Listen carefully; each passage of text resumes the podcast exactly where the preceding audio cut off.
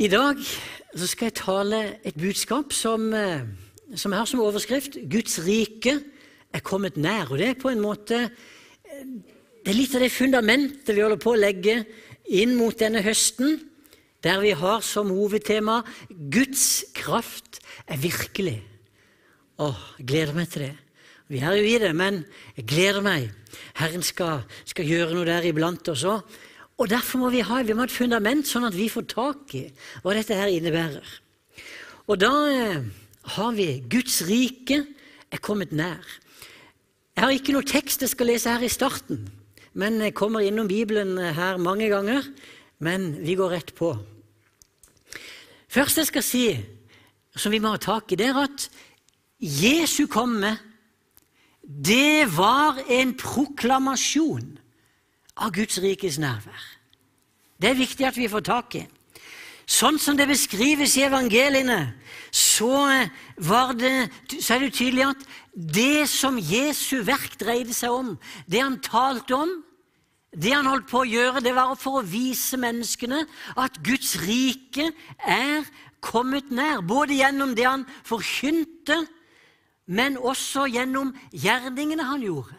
Alt var med å løfte fram at Guds rike er nær.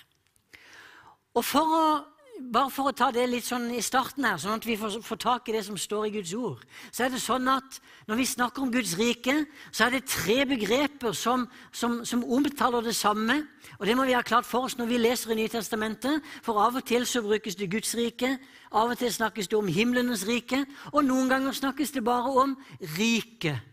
Men det snakkes om samme sak. For du ser Matteus han, han, vet vi skrev sitt evangelium til jødiske mottakere. De var mest eh, familiære, de var mest vant med å høre om himlenes rike, for det snakka de om i jødedommen. Mens Markus og Lukas de skrev til grekere, altså de som var utenfor Israel og kom fra en annen kultur. Og de var mest vant med hva som lå i Guds rike. Derfor så bruker de bevisst det hele tiden. Og av og til altså riket, som også er har da underforstått dette med Guds rike. Men det viktige for disse evangelistene, de som skrev historien om Jesus, det synes å være å poengtere at Guds rike, det har kommet til jorda. Det er viktig. Hele verden er blitt forvandla fordi Guds rike har kommet til oss. Det er jo det som er de gode nyhetene. Som en verden som er i nød, en verden som lider, en verden som er i ruiner. Vi trenger å høre noe godt.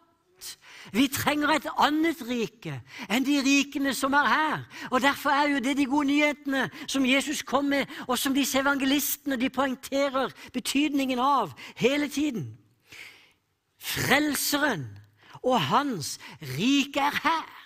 Snart vil det være slutt på all sykdom, all krig, all plage, all undertrykkelse. Snart vil Satans rike være knust. Fordi Guds rike er allerede her. Kan du høre at dette er gode nyheter? Dette, dette er evangeliet. Og Derfor så ble jo fokuset på Guds rike det ble løfta fram hele tida. Og både døperen Johannes og Jesus de innleda jo sin tjeneste med å rope ut dette Venn om, for himlenes rike er kommet nær.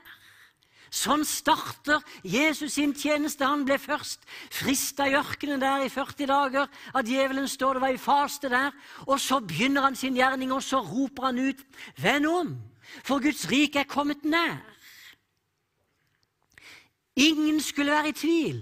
Nå begynte det å skje noe nytt her på jorda, for Jesus var kommet. og Derfor er Guds rike det er det store temaet i Nytestamentet. Og Hvis vi leser i Lukas 4, vers 43, så ser vi at det var jo dette Jesus holdt på med. For Jesus sa til dem, også i de andre byene må jeg forkynne det gode budskapet om Guds rike. Det er derfor jeg er utsendt. Det var Jesu oppdrag å proklamere Guds rike. I Lukas 8 står det også i tiden som fulgte, reiste Jesus omkring og forkynte i byene og landsbyene og bar fram det gode budskapet om Guds rike. Og da han sendte ut disiplene, så var det med akkurat det samme budskapet de skulle gå. Jesus sa i Matteus 10 til disiplene, 'Gå og forkynn. Himmelriket er kommet nær.' Det var det de skulle forkynne. Og i de synoptiske evangeliene, altså det som er Matteus, Markus og Lukas Vi kaller det de synoptiske evangeliene, for de er litt like. Det ser vi når vi leser dem, ikke sant? Men i de tre evangeliene så er faktisk uttrykkene da himlenes rike og Guds rike det er brukt ca. 100 ganger. Og det har ikke bare betydning ut fra mengden at det nevnes ofte, men også ut fra sammenhengen. Som det står, jeg nevnte allerede, at Jesus innleder tjenesten med å forkynne Guds rike. Men det var også sånn han avslutta den. Etter sin død og oppstandelse så står det at Jesus han var sammen med disiplene i 40 dager. Og så står det i apostlenes gjerninger 1.3. Etter å ha lidd døden sto han levende fram for dem med mange klare bevis på at han levde. I 40 dager viste han seg for dem og talte om det som har med Guds rike å gjøre. Derfor kan ikke vi heller tale om noe annet. Det var derfor disiplene også måtte gjøre det, for det var det Jesus hadde undervist. Og i de 40 dagene så holdt han hver dag der på å undervise dem om Guds rike. Og For å fremheve betydningen av Guds rike så er det ikke bare at det starta sånn og det slutta sånn, men også når vi ser inn i Jesu tjeneste, alle de underne og tegnene han gjorde, det var jo bevis på at Guds rike var kommet nær. Lignelsene, så å si alle lignelsene Jesus fortalte, det handla på en eller annen måte om Guds rike. I Matteus 13 har vi et helt kapittel der det står at det er lignelser om Guds rike. Men også mange av de andre var om dette. Og det er viktig for oss at vi får tak i betydningen av dette her. Guds rike. For vi vet det, at det greske ordet for rike, det er basileia. Og det er utleda av ordet for konge, som er basilevs. Så et basileia det er et rike som har en basilevs, altså en konge. Og det kan uttrykke både kongens makt og herredømme, men det kan også omtales som det området som kongen hersker over. I, uansett så dreier det seg om at en konge han har en overordna makt og autoritet. Det er ikke som kongene som er i dag, som er konstitusjonelle monarker. Men dette er, sånn som kongene er i Bibelen, så er det konger som hersker. Jesus er en konge som har all makt. Han har en overordna myndighet. Og dersom at Jesus, når han da proklamerer at Gud hans rik er kommet nær, så er det som at Gud tar makten på jorden. og Derfor kan vi oversette det med Guds overherredømme, eller himmelens overherredømme, fordi det er himmelen som nå har begynt å herske på jorda. Og Da Jesus snakka om Guds rike, så handla det også alltid om selve frelsen, fordi Jesus kan snakke om å bli innbudt og komme inn i Guds rike. Men han snakker også om muligheten til å bli stående utenfor. Det er selve frelsen det dreier seg om. Å være i Guds rike er den som er frelst. Å være utenfor Guds rike, da har du ennå ikke del i frelsen. Men Gud kaller mennesker inn i sitt rike. Og selv om Guds rike har kommet nær, det er det ikke en tvil om, for det står tydelig i Bibelen så er det likevel, sånn som det uttrykkes i Bibelen, så er det samtidig en begrensning i dette nærværet. For du ser, Guds rike er kommet nær, men det er ennå ikke kommet i hele sin fylde. Og vi forstår det bedre når vi ser på et av de ordene som brukes for nær i Nytestamentet. Det har betydningen av å komme før noe annet. Det, har, det, er akkurat som at det er noe som strekker, noen som strekker ut ei hånd, og så rører du ved hånda di på noe som ligger der, som du tar tak i, men du er ikke der ennå med hele kroppen din. Kan du se det for deg? Og Når det er snakk om Guds rike, så er det akkurat som at det er fortroppene. Det er de ytterste grensene av Guds rike som har kommet nær, men det er ikke her i hele sin fylde ennå. Og Derfor er det vi ofte, når vi skal uttrykke nærvær av Guds rike, så bruker vi det uttrykket 'allerede', men ennå ikke. Guds rike er allerede her, men det er ennå ikke her i sin fylde. Det er allerede fred på jorda fordi Guds rike er kommet nær, men det er ikke en fullkommen fred. For riket er ikke her i sin helhet og sin fullhet. Det er fortsatt kriger. Det skjer allerede helbredelser. Men ikke alle blir helbreda, fordi Guds rike er ikke her ennå i sin fylde. Det er allerede glede, men den er ikke fullkommen. Vi kan fortsatt bli triste. Vi er allerede fylt med Den hellige ånd, men Den hellige ånds fylde er ikke her i sin ytterste og største fylde, fordi da skal alt være fylt. Men vi erfarer, vi erfarer noe av dette som er kommet til oss. Og det er viktig at Guds rike det er kommet, og samtidig er det noe som kommer. Og Derfor var det Jesus han sa at vi skulle be den bønnen La ditt rike komme. Det er en viktig bønn. Det er viktig at vi ofte ber den bønnen. La ditt rike komme, for det er jo det som er håpet for verden. Det er det som vil forvandle verden. Når Guds rike kommer i sin fulle prakt og fylde, da vil jo alt være annerledes. Og Derfor hilser vi det velkommen og vær med å be. Jesus lærte oss å be en sånn bønn. Så det første jeg har sagt, er at Jesu komme det var en proklamasjon av Guds rikes nærvær. Det kan vi ikke si tydelig nok. Det andre som jeg sier her, det er at Guds rike er det mest dyrebare og det mest kostbare som fins. Har du tenkt på det? Men sånn fremstilles det i Bibelen. Det finnes ikke noe mer verdifullt. Det finnes ikke noe som det er viktigere å være en del av. Det finnes ikke noe som det er viktigere å motta enn Guds rike. Jesus han fortalte to lignelser om det. I Matteus 13 så sa han at himmelriket er likt en skatt som var gjemt i en åker. En mann fant den, dekket den til, dekket den til igjen, og hør Og i sin glede gikk han bort og solgte alt han eide.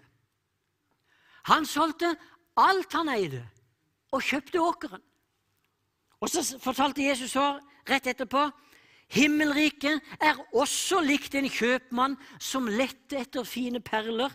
Da han fant en særlig verdifull perle, gikk han bort og solgte alt han eide, og kjøpte den. Da jeg var barn Jeg tror jeg fortalte det her før til noen av dere. Men da jeg var barn, så tenkte jeg da jeg leste disse lignelsene, at det går an å være så korka.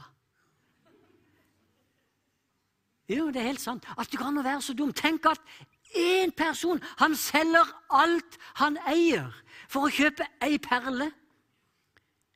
Jeg vet at jeg er mann. Kanskje du som er kvinne tenker annerledes om det. Men jeg tenkte sånn fordi jeg hadde ikke forstått. Det var jo ikke perler Jesus snakka om. Det var jo ikke skatten Jesus snakka om. Det var, ikke, det, var ikke, det var, ikke, det som var poenget. Det var jo bare bildet på noe annet. Fordi den skatten og den perla, det er jo her et bilde på Guds rike. Og når et menneske, og det våger jeg å si Når et menneske oppdager hvem Jesus er, når et menneske oppdager hvor verdifullt det Jesus kom med, er, hvor, hvor, hvor stort dette riket er Det er jo selve frelsen. Da er det mennesket villig til å oppgi alt annet. Kvitte seg om nødvendig med all sin rikdom. Omprioritere totalt. For hvis du oppdager hvem Jesus er, da vil han bli nummer én. Da vil alt annet bli sekundært, uansett hva det er. Alt annet vil komme i både andre på andre og tredje og fjerde og femte og tiende plass. For når du oppdager hvem Jesus er, når du oppdager dette riket, Og det var det Jesus sa. Det er ei perle som er så verdifull at du er villig til å oppgi alt annet. Og Derfor var det også Jesus sa i Matteus 6.: Søk først Guds rike og hans rettferdighet, så skal dere få alt andre i tillegg. Men søk først Hans rike. Og det roper jeg ut, og det taler jeg ut her i Filadelfia. Jeg alle oss som er her, og alle dere som hører på også. Søk først Guds rike. Og kanskje noen, kanskje noen sitter her, og det trenger vi, det trenger vi alle, å ransake våre egne liv. Åssen er mitt liv? Åssen er min hverdag? Åssen bruker jeg min økonomi, mine penger? Åssen bruker jeg min tid? Åssen er mitt liv? Lever jeg som at det som har med Guds rike å gjøre, er det viktigste? Kan jeg si det av et helt hjerte? Jeg som står her, er pastor i menigheten. Jeg skulle ønske jeg kunne det. Jeg ønsker å leve sånn. Jeg sier ikke at jeg lykkes med det, men jeg ønsker virkelig at det skal være det som er nummer én i mitt liv. Guds rike. Perla. Det Jesus har gjort for oss. Det er det mest dyrebare og det kostbare som fins. Og jeg utfordrer, hvis noen vet det, at sånn som jeg lever nå, sånn som jeg prioriterer mitt liv, så er jeg ikke helt i Jesu vilje. Jesus han har noe bedre for meg. Han har noe for meg. Kanskje du har mista noe på veien. Kanskje du har vært i noe som du har kommet ut av. Men når du hører om denne perla, du hører om dette riket denne dagen Derfor sier jeg, kom tilbake, kom inn i det som du vet er Jesu vilje for ditt liv. For det tredje så spør jeg hva innebærer det at Guds rike har kommet nær? Jeg skal ta opp tre ting hva det innebærer at Guds rike har kommet nær. For det første, og kanskje du støkker litt når jeg sier det, men jeg er nødt til å si det, for sånn er det. Det at Guds rike har kommet nær, det er blant annet en krigserklæring mot djevelen. For du ser, da Jesus ble født inn i denne verden, så var det både godt nytt, og det var dårlig nytt. Det var godt nytt for alle som vender om og tror og tar imot Jesus som Herre og Frelser. Så er det de beste nyhetene som fins. Men det var dårlig nytt for djevelen. For da Jesus sto fram og ropte 'Vend om, for himmelriket er kommet nær', her er Guds rike. Da Jesus ropte det ut, så var det en krigserklæring mot djevelen. Han har hørt hvordan det skjærer i ørene hans. Han har vært livende redd, han har vært sint, han har vært fullstendig vettskremt og alt det der på en gang. På grunn av synden så hadde djevelen hatt sitt rike på jorda helt siden Adam og Evas fall. Han holdt menneskene i fangenskap.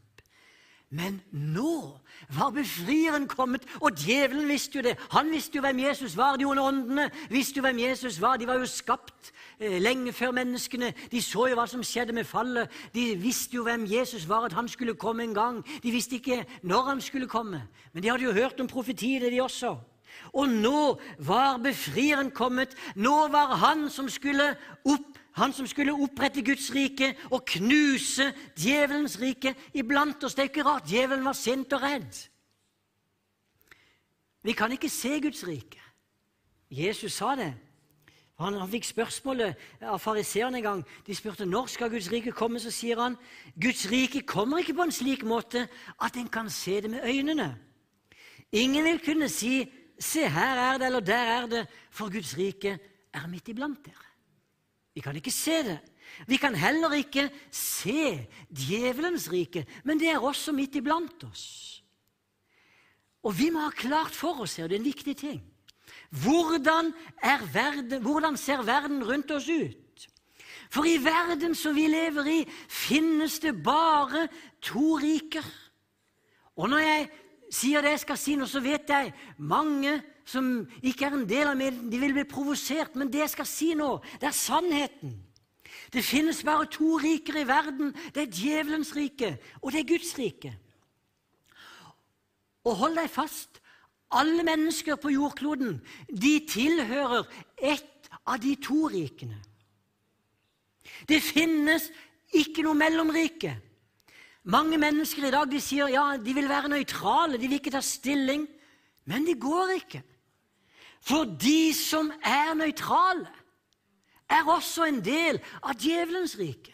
Jesus sa, 'Den som ikke er med meg, han er mot meg.'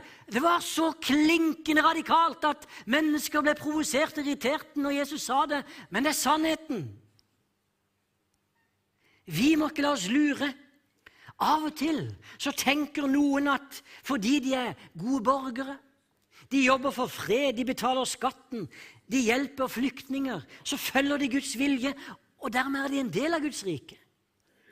Men du ser, Guds rettferdighet, den er åpenbart uavhengig av loven. Den er åpenbart uavhengig av de menneskelige lovene og, og parameterne. For Guds rettferdighet finnes bare i Jesus Kristus. Dette talte vi, vår, vi om i vår når vi hadde i Romerbrevet, Romerne 3. ikke sant? Det er bare Jesus Kristus at Guds rettferdighet finnes. Og for å komme inn i Guds rike må alle komme til Jesus. Det hjelper ikke å ha en god livsførsel hvis ikke de tar stilling til Jesus og tar han imot i sitt liv. Vi må ikke lure mennesker. Det beskrives så radikalt. For det Jesus kom for å gjøre, det er også det han har bedt oss være med på å gjøre, nemlig å føre mennesker fra mørket til lyset. Å føre mennesker fra djevelens rike og inn i Guds rike. Så radikalt. I Apostlenes gjerninger 26 så beskriver Paulus det som var hans kall da han, da han ble kalt av Jesus. Den dagen han ble blind der, og så, så, så snakker Jesus til han der utenfor Damaskus. Og så sier han sender, Han skulle sende han til hedningene. 'Jeg sender det til dem for å åpne øynene deres, så de vender om fra mørke til lys, fra Satans makt og til Gud.' Noen tenker det er fryktelig å, å, å nevne Satan i dette. Nei, men det er det som er saken, ser du. Det er det vi holder på med, å sette mennesker i frihet fra Satans makt og føre dem til Gud. Og I Kolosserne 1,13 så sier jo Paulus om Jesus han har fridd oss ut av mørkets makt og ført oss inn i sin elskede sønns rike. Paulus selv hadde opplevd det. Han trodde jo han var på lag med Gud. Men han stampa bort brodden. Han stampa imot Gud og hans vilje, så han selv måtte ydmyke seg og ta imot Jesus. Og når Jesus skal beskrive dette, så, så, sammenligner han av og til djevelens rike med et hus. Kan du se for deg det bildet? Det er som at menneskene som ennå ikke har tatt imot Jesus, de, de lever som i et, et, fangenskap, akkurat som de er et hus, der djevelen holder de fanga. I Matteus 12 så sier Jesus, 'Hvordan kan noen gå inn i den sterkes hus?' Og røve det han eier, uten at han først har bundet den sterke. Da kan han plyndre huset hans. For vi må være klar over det, at når vi forkynner evangeliet, når vi vitner om Jesus, uansett hvor det er, så er vi også i en åndskamp. For denne verdens Gud har blindet de vantro sinn, så ikke de ser og så ikke de tror herligheten som stråler ut av evangeliet. Det er jo så opplagt for oss, vi som har tatt imot Jesus, at dette er sannheten. Det er jo så opplagt. Vi har jo opplevd så godt å komme til Jesus, mens en som leser det samme, han hører det samme budskapet, og så bare tar han fullstendig avstand fra det. Det er fordi han er blind. For denne verdens Gud, han har blinda de vantro sinn. Og så er det sånn, ser du, at alle som ennå ikke har tatt imot Jesus, de er, de er i fangenskap. Uansett hvor fri de føler seg. Folk blir provosert dersom vi sier at ikke de er fri. Men sånn var det også på Jesu tid. Jødene mente at de var frie siden de hadde Abraham til far. De hadde løftene. De levde der i den gudsdyrkelsen som de hadde på den tida. Men bare de som tar imot Jesus og godtar hans sannhet, blir virkelig fri. Og Det var jo dette Jesus hadde en stor samtale med dem om, noen av jødene der i Johannes kapittel 8. For Jesus sa, hør, han sa da til de jødene som var kommet til tro på ham Hvis dere blir i mitt ord, er dere virkelig mine disipler. Da skal dere kjenne sannheten, og sannheten skal gjøre dere fri. De sa til ham, vi er Abrahams ett og har aldri vært slaver for noen. Hvordan kan du da si vi skal bli fri? Jesus svarte, sannelig, jeg sier dere, den som gjør synd, er slave under synden. En slave blir ikke i huset for alltid, men en sønn blir der for alltid. Får Sønnen frigjort dere, da blir dere virkelig fri. Og Jesus sa til dem, 'Dere tåler ikke å høre mitt ord.' Og han sa til de som sa at de var frie, 'Dere har djevelen til far.' For Jesus så de var fortsatt i djevelens rike. For de fornekta han. Det står, de, La du merke til det? Det står de trodde på Jesus, men de var ikke overgitt. De trodde på Jesus, men de godtok ikke alt han sa. Det er mange mennesker i dag òg. De sier de tror på Jesus, men de tar ikke imot det han sier. De tar ikke sannheten som han kommer med. Men de sier de tror på Jesus. Og Sånn var det på den tiden. Og Jesus sa ja, men da er dere fortsatt slaver. For det er bare sannheten som kan gjøre fri. Hvis ikke dere tror sannheten i det jeg sier, så er dere fortsatt slaver. Og det er så mange mennesker i dag. De trenger å bli fri. Jesus han utfordra sterkt i dette. Til de religiøse menneskene, til de som sa de trodde. Men de måtte fortsatt bli fri, for sannheten hadde ennå ikke tatt tak i dem. Og Dette kan vi lese flere steder når Jesus snakker med mennesker. Hvordan de sier dette er harde ord. De likte gjerningene hans. De likte underne. De likte når de kunne spise mat ute i ødemarka. De likte å se de syke bli friske, og de likte å høre fantastiske taler. Men når Jesus stilte dem på valg, når, de, når han virkelig kom inn på klingen, så trakk de seg tilbake, mange, og de ble irritert på ham. Og så sier Jesus, 'Dere har djevelen til far. Dere er fortsatt i djevelens rike, men kom i Guds rike. La sannheten gjøre dere fri.' For du ser, når mennesker blir frelst, det er et radikalt skifte. Det er det mest radikale skiftet som vi kan være utsatt for. For du går fra det ene til det andre han har sagt i løpet av et sekund. Så radikalt. For det finnes bare to riker i verden. Det finnes ikke noe sted du går imellom. Nå er jeg nå kommer jeg fra djevelens rike, og så går jeg her en stund sånn i ingenmannsland, og så plutselig kommer jeg til Guds rike. Nei, det skjer med en gang. Og Derfor er det Jeg har sett dette på nytt og på nytt, hvor radikalt det er. For Jesus, han har bundet den sterke. Derfor kan vi gå inn i den sterkes hus og sette fangene fri. Og djevelens rike, det ødelegges, og det forsvinner når Guds rike utbres. Og jeg har sett det er en kamp om sjelene. Og når mennesker tar imot Jesus, når mennesker er i ferd med å bevege seg inn i Guds rike, og djevelen ser det, det er da han vil manifestere seg, det er da han vil protestere. Djevelen han tillater at mennesker blir helbreda. Han tillater at mennesker kan kjenne Guds nærvær i sitt liv, at de kan kjenne det godt.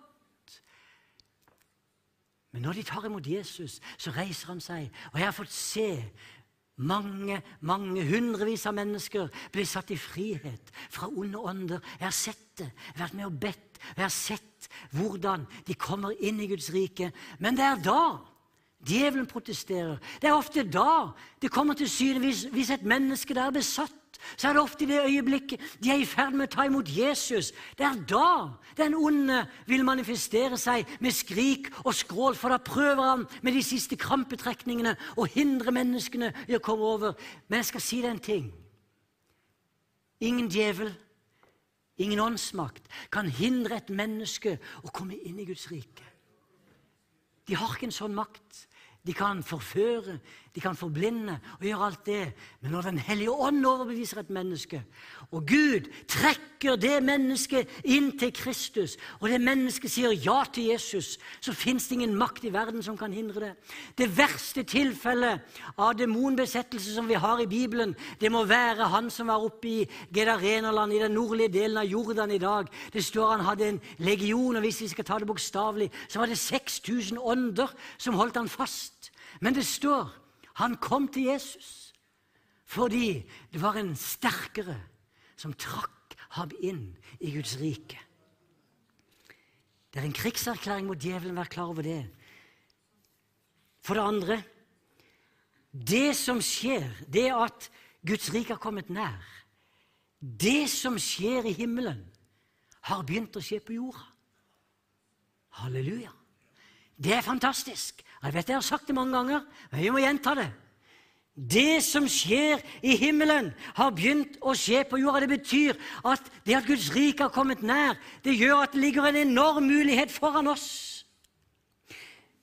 Guds rike det har jo alltid eksistert i den form og størrelse der, men det nye med Jesus er at nå har jo dette begynt å skje midt iblant menneskene her på jorda.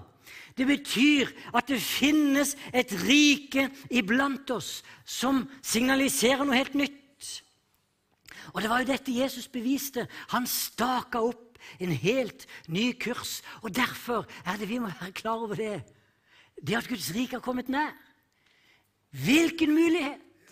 Hvilket potensial! Og jeg skulle ønske at vi som forsamling kunne få tak i det potensialet som ligger der. At ikke vi skal komme til slutten av vårt liv og se oss tilbake og tenke Oi, tenk hvor mye mer vi kunne fått ut av dette. Tenk hvor mange flere mektige gjerninger vi kunne hatt del i. Og Derfor er det ønsker, som jeg sier også denne høsten, å tale tro inn i livene våre. Sånn at vi skal forvente og forvente og forvente at det vi leser i Guds ord, at det skal skje midt iblant oss. Og Derfor var det jo Jesus Han lærte oss også med den bønnen. La din vilje skje. På jorden slik som i himmelen. La din vilje skje. Det er en av de viktigste bønnene vi kan be. La din vilje skje. En en stund tilbake på 80-tallet der, så var det mange som drev og forkludra det der. Den, den, den, trosbevegelsen som kom, var mye bra med den, men de var også på villspor i noen ting. For, for, da ble det plutselig bannlyst. Ingen måtte finne på å si 'la din vilje skje', for det var et tegn på vantro. Bare for noe surr. Det er verdens viktigste bønn. For du må jo stole på Gud. Er det ikke Guds vilje som er den beste? Så vi må be. La din vilje skje. Vi skal forvente store ting av Gud, og derfor er det jo vi har som tema Guds kraft er virkelig. For Guds rike har kommet nær. Hvordan ser du for deg Guds rike? Hvordan ser du for deg himmelen?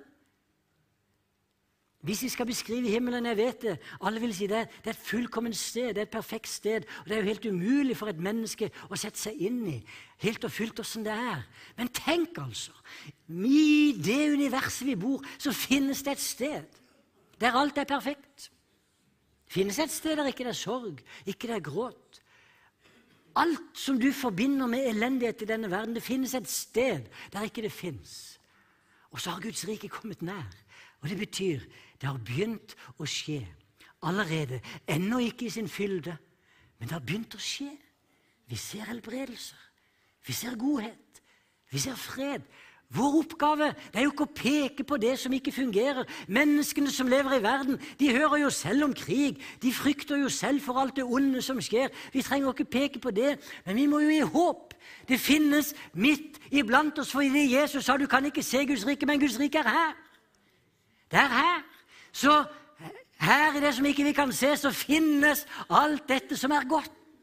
Tilgjengelig for Guds menighet, ja, men også tilgjengelig for de menneskene som bor der ute. Vi må lede dem inn i Guds rike. Og Det er viktig at vi lever i dette. og Derfor skrev vi også Jakob i sitt brev Er noen syke blant dere, han skal tilkalle menighetens eldste, og de skal be over ham og salve ham med olje i Herrens navn, og troens bønn skal helbrede den syke.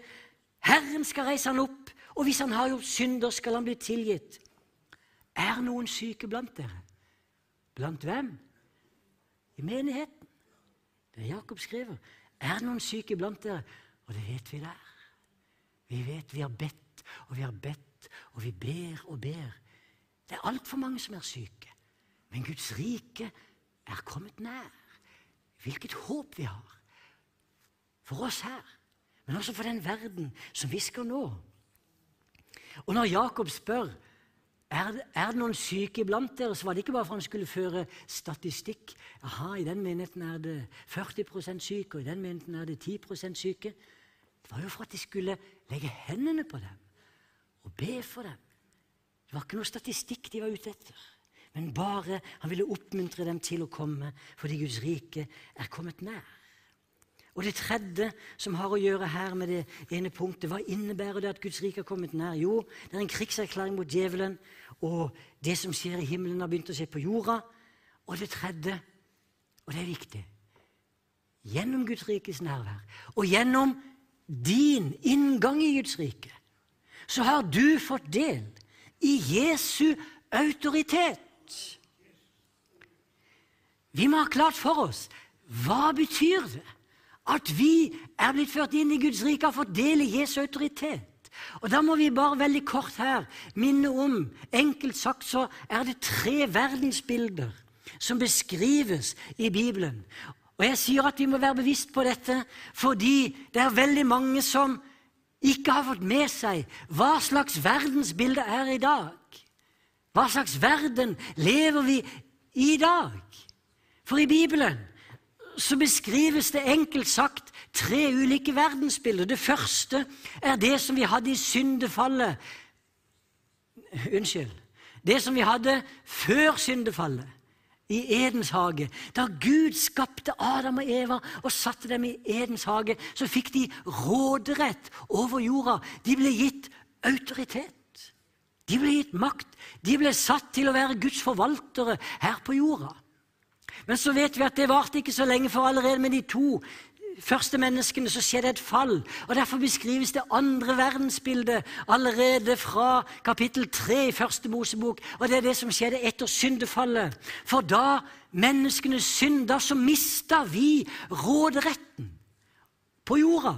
Vi mista myndigheten som Gud hadde gitt, og djevelen tok over. Djevelen han fikk av synden en rett til å herske på jorda, til å herske over menneskene. Og derfor, når djevelen står foran Jesus og frister han, så vil han tilby han alle verdens riker. Hvis Jesus faller ned og tilbyr han, for det var blitt gitt han på grunn av synden. Men vi lever ikke der i dag. For vi lever i det tredje verdensbildet fordi Jesus har kommet. Jesus har dødd på korset. Han har stått opp fra de døde. Han har dratt tilbake til himmelen. Han har utøst sin hellige ånd, og han har gitt oss del i sin myndighet, i sin autoritet. Og da Jesus sto fram etter sin døde oppstandelse, han skulle sende ut disiplene, så sier han det. Meg er gitt all Eksusia, det greske ordet eksusia, det betyr myndighet. Det betyr autoritet. I himmelen og på jorden. Jesus har gjennom sin død og oppstandelse Ja, han sona menneskenes synd, sånn at vi kan bli frelst. Men han knuste også djevelen og hans rike, for Jesus sa det. Nå skal denne verdens fyrste dømmes. Nå skal han kastes ut. Og så står det i Kolosserne 2, vers 14 og 15, hvordan Jesus ved sin død han triumferte over makten og myndighetene. Og han avvæpnet dem. Han avvæpnet dem. Og Derfor kan han si 'Meg er gitt all makt i himmel og på jord'. Og så er det interessant når Jesus sender ut disiplene, når Jesus sender ut oss, så fører han oss inn i dette her. Vi må få tak i det. Vi må få tak i hva det betyr at vi har fått del i Jesu autoritet. For det er en linje der i Nytestamentet som Jesus trekker. Han sier sånn som Faderen har sendt han, sender han oss. Sånn som han har mottatt fra Faderen, mottar vi fra Jesus. Sånn som Jesus fikk fra sin far alt han skulle gjøre av gjerninger, sånn taler Jesus til oss. Og Derfor er jo et av de mektigste versene i Johannes 14, 12, når Jesus sier 'Den som tror på meg' skal også gjøre de gjerninger jeg gjør. Ja, han skal gjøre enda større gjerninger enn dem, for nå går jeg til Faderen. Det betyr ikke at Geir Stumners i egen person skal gjøre større gjerninger enn Jesus, men det betyr at vi som Jesu kropp, for han skulle gå til Faderen og utøse Den hellige ånd. Og i dag så utbres evangeliet overalt på en gang. Da Jesus var her, i et fysisk kropp, så kunne han også bare være ett sted om gangen. Han også bare ba for ett menneske om gangen, eller var med én folkemengde. I dag så samler vi folkemengder over hele jorden. Så det skjer større ting. Jesus hadde rett.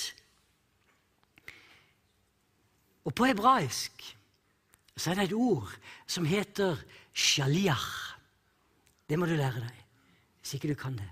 Shaliach. Du hører det kraftfullt bare du taler det ut. Det, det, betyr emissær, en som er utsendt. og Det er det som brukes for å beskrive det som skulle skje med apostlene. Men i den jødiske kulturen så ble det sagt om en shaliach. Han var en slags agent med en helt spesiell autoritet som han hadde mottatt fra Herren sin. Og det ble sagt om disse shaliachene at det å høre og møte en shaliach, det var det samme som å møte Herren selv. Og vi er sånne emissærer som er utsendt, og derfor kunne Jesus si, 'Den som hører dere, hører meg.'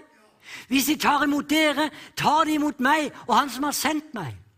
En sånn kobling er det mellom den som er inne i Guds rike. Og Derfor så ønsker jeg å tale tro, ikke bare denne søndagen, men gjennom hele denne høsten, at vi skal begynne å leve som at vi har den autoriteten. Ikke at vi opererer på egen hånd, men Jesus har gitt oss det, og vi underordner oss Han. Og til og med da Jesus sa til Peter, 'Jeg har gitt deg himmelrikets nøkler', og det du binder på jorden, skal være bundet i himmelen. Det du løser på jorden, skal være løst i himmelen. Og da kan det, de formene som er på gresk der, det er sånne passive former, så det kunne like godt vært oversatt med Det som dere løser på jorden, er det som har blitt løst i himmelen. Og det som dere binder på jorden, er det som har blitt bundet i himmelen. Fordi himmelens vilje er det vi følger, og det som kommer til oss. Og så virker vi. Vi opererer ikke på egen hånd, men vi har en autoritet i Jesus. Og ikke bli skremt når jeg sier det, men du skal forvente at det skal skje noe når du legger hendene på en syk. Når du kommer med vitnesbyrd om Jesus, så er det en åndskamp, ja, men så er det Jesus som strømmer ut av deg. Og Jeg har brukt det eksempelet her tror jeg også på scenen noen ganger, når vi ser hvordan den treenige Gud, Faderen og Sønnen, er i oss. Og Derfor, når jeg legger min hånd på et menneske og ber for det, så er det ikke først og fremst min hånd, men det er nærværet av den levende Gud som strømmer ut gjennom den hånden, fordi Jesus har sagt at vi skal gå fram på en sånn måte.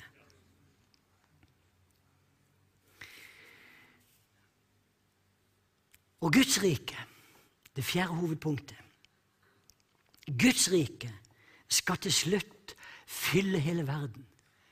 Det er det vi er med på. Det er ikke vi som skal ta hele verden. Vi må huske vi er, vi er en bit av det. Vi gjør dette sammen med alt Guds folk over hele jordkloden, også i Norge. Vi skal vite hvem vi skal samarbeide med, for alle som sier de tror, er ikke Guds barn. Derfor må vi se hvem holder fast ved sannheten. Det er ikke det vi snakker mer om. Men Guds rike skal til slutt fylle hele verden. Da Jesus fortalte lignelsene, så var det alltid noe som kom som et frø. Sennepsfrø, det minste blant frø. Og så ble det det største hageveksten. Et mål med gjær. En surdeig som ble lagt i en deig. Til slutt var alt gjennomsyra. I Daniel kapittel 2 fikk Daniel se en flott statue med gull og sølv og bronse og jern og leirer osv. Det var verdens riker. Og så fikk han en fantastisk flott statue. Og Så får han se en knøttliten stein som faller på foten til den statuen, og statuen går i oppløsning og smuldrer bort. Men den steinen den ble et fjell som fylte hele jorda. For den steinen er et bilde på Guds rike. Den skal til slutt fylle hele jorda. Alle andre riker, de forgår. Alt annet kommer til å bli ødelagt. Djevelens rike, som, er, som fortsatt finnes i dag Det kommer en dag der ikke det skal finnes mer. Djevelens rike kommer ikke til å finnes i helvete. Av og til vi fremstiller sånn ja, Gud hersker i himmelen, og djevelen hersker i helvete. Det er helt feil. Til slutt Gud, han hersker overalt, også i helvete. Helvete er ikke djevelens torturkammer. Jeg har skrevet om dette, og dere kan lese det i boka om djerv tro for en, for en postkristen tid. Har et kapittel om dette. Men djevelen er ikke herskeren i helvete. Djevelen han kommer ikke til å herske noe sted til slutt. Fordi Gud han skal fylle alt i alle, og Gud kommer også til å være i helvete, ikke med sin kjærlighet, men med sin dom og med sin straff, med sin vrede. Guds vrede kommer til uttrykk i helvete, og derfor er ikke helvete djevelens torturkammer og et sted der hans rike er, men det er et sted der djevelen er i fangenskap. Det er ikke djevelen som skal torturere de andre, djevelen skal selv tortureres. Det er djevelen som skal straffes. Og dessverre også menneskene som ikke kommer inn i Guds rike. Og Derfor er det viktig, når Jesus ropte ut dette, så var det jo nettopp for han visste hva kommer til å skje med de menneskene som ikke kommer inn i Guds rike. Han vet det jo, han er Herren. Vi vet det, vi kan ikke si at ikke vi vet det. Derfor, hvis vi elsker mennesker hvis vi virkelig elsker menneskene, så må vi av og til advare dem om hva som skjer hvis de fortsetter å være på utsiden av Guds rike. Vi kan ikke late som at ikke vi vil det, men må det være en kjærlighet? Må det være en brann som vekkes i oss, sånn at menneskene virkelig kan komme inn i Guds rike? Og sånn som vi sang, måtte vi bli. Sånn som, vi, sånn som Gud vi sang om, hvordan Han etterjager oss. Hvordan Hans kjærlighet, hvordan Han med sin kjærlighet løper etter. La oss løpe etter menneskene. Noen vil ikke høre. Noen vil skjelle deg ut, men du må gi dem det beste. Vi må fortsette å løfte fram budskapet om Guds rike. Og til slutt Og det er noe av det viktigste som jeg sier her i dag. For da Jesus kom med budskap om Guds rike første gang, la du merke det hva han sa? Hva var det han sa? Vend om, for Guds rike er kommet nær. Det er noe stort på gang. Det er noe viktig på gang. Vend om. Kom tilbake til Jesus. Og jeg tror omvendelsesbudskapet det må lyde klarere enn noen gang, både i Vennesla og i landet vårt. Det er viktig å vende om fordi kongen har kommet. Det flotteste, det beste, det største, det har kommet midt iblant oss. Og Derfor så trenger vi å la omvendelsesbudskapet lyde klart. Av og til i dag så tror jeg og, det, og, og, Gud kan ha forskjellige veier med mennesker, men jeg tror noen ganger så diller vi for mye. Vi diller for lenge. Ja, kanskje. Det går nok bra. Kanskje bare, bare vent litt, så skal vi ikke si for mye i dag, og skal ikke trekke det for langt. Vi holder igjen. Men legg merke til det. Når Peter og Paulus og de forkynte, de bare durte på. Da Paulus sto på Areopagos og første gang han talte med disse hedenske filosofene Men allerede den første dagen så sier han 'Vend om', sier han. For Gud han har båret over med disse uvitenhetens tider, han har båret over med syndene. Men nå har han oppreist en mann. Nå er Jesus kommet, nå er Guds rike kommet. Nå må dere vende om. Og det er på overtid. I Norge vi må virkelig kalle mennesker til omvendelse hvis vi elsker dem. Og Paulus også, da han møtte da han satt med Felix, en av stattholderne der Han hadde hørt historien til Paulus, og så, og så, sier, så står det der Han elska å høre når Paulus forkynte. Han syntes det var spennende. Og han og kona de kom ens ærend inn på cella til Paulus for å få han til å fortelle mer.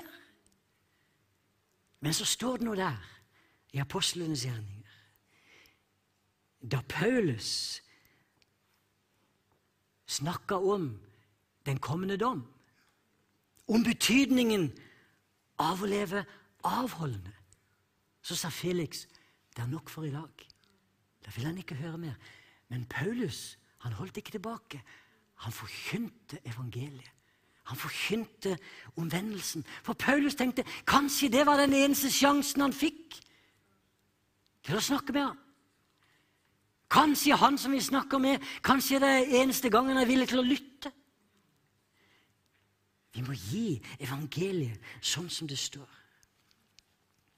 Dere kan komme opp, Johanne, så skal vi gjøre oss klare til å synge og be.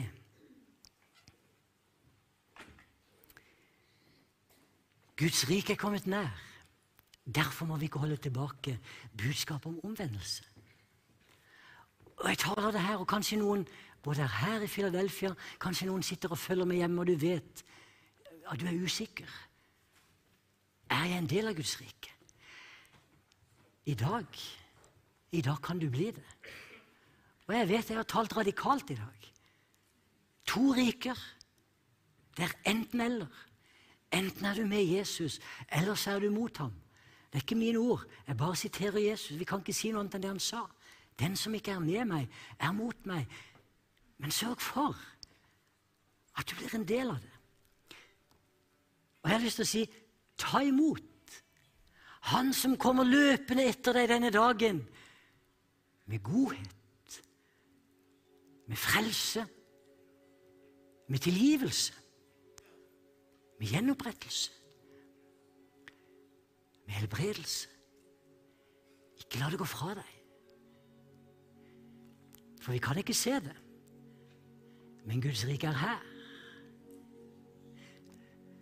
Guds rike er her. Men vi kan se effekten av Guds rikes nærvær. Vi kan ikke se Guds rike, men vi kan se hva som skjer når Guds rike er nær. Og kjære Jesus, måtte vi få se det også. Utover denne høsten, altså. Måtte vi få se hva det betyr at Guds rike er nær. Måtte mennesker få se det.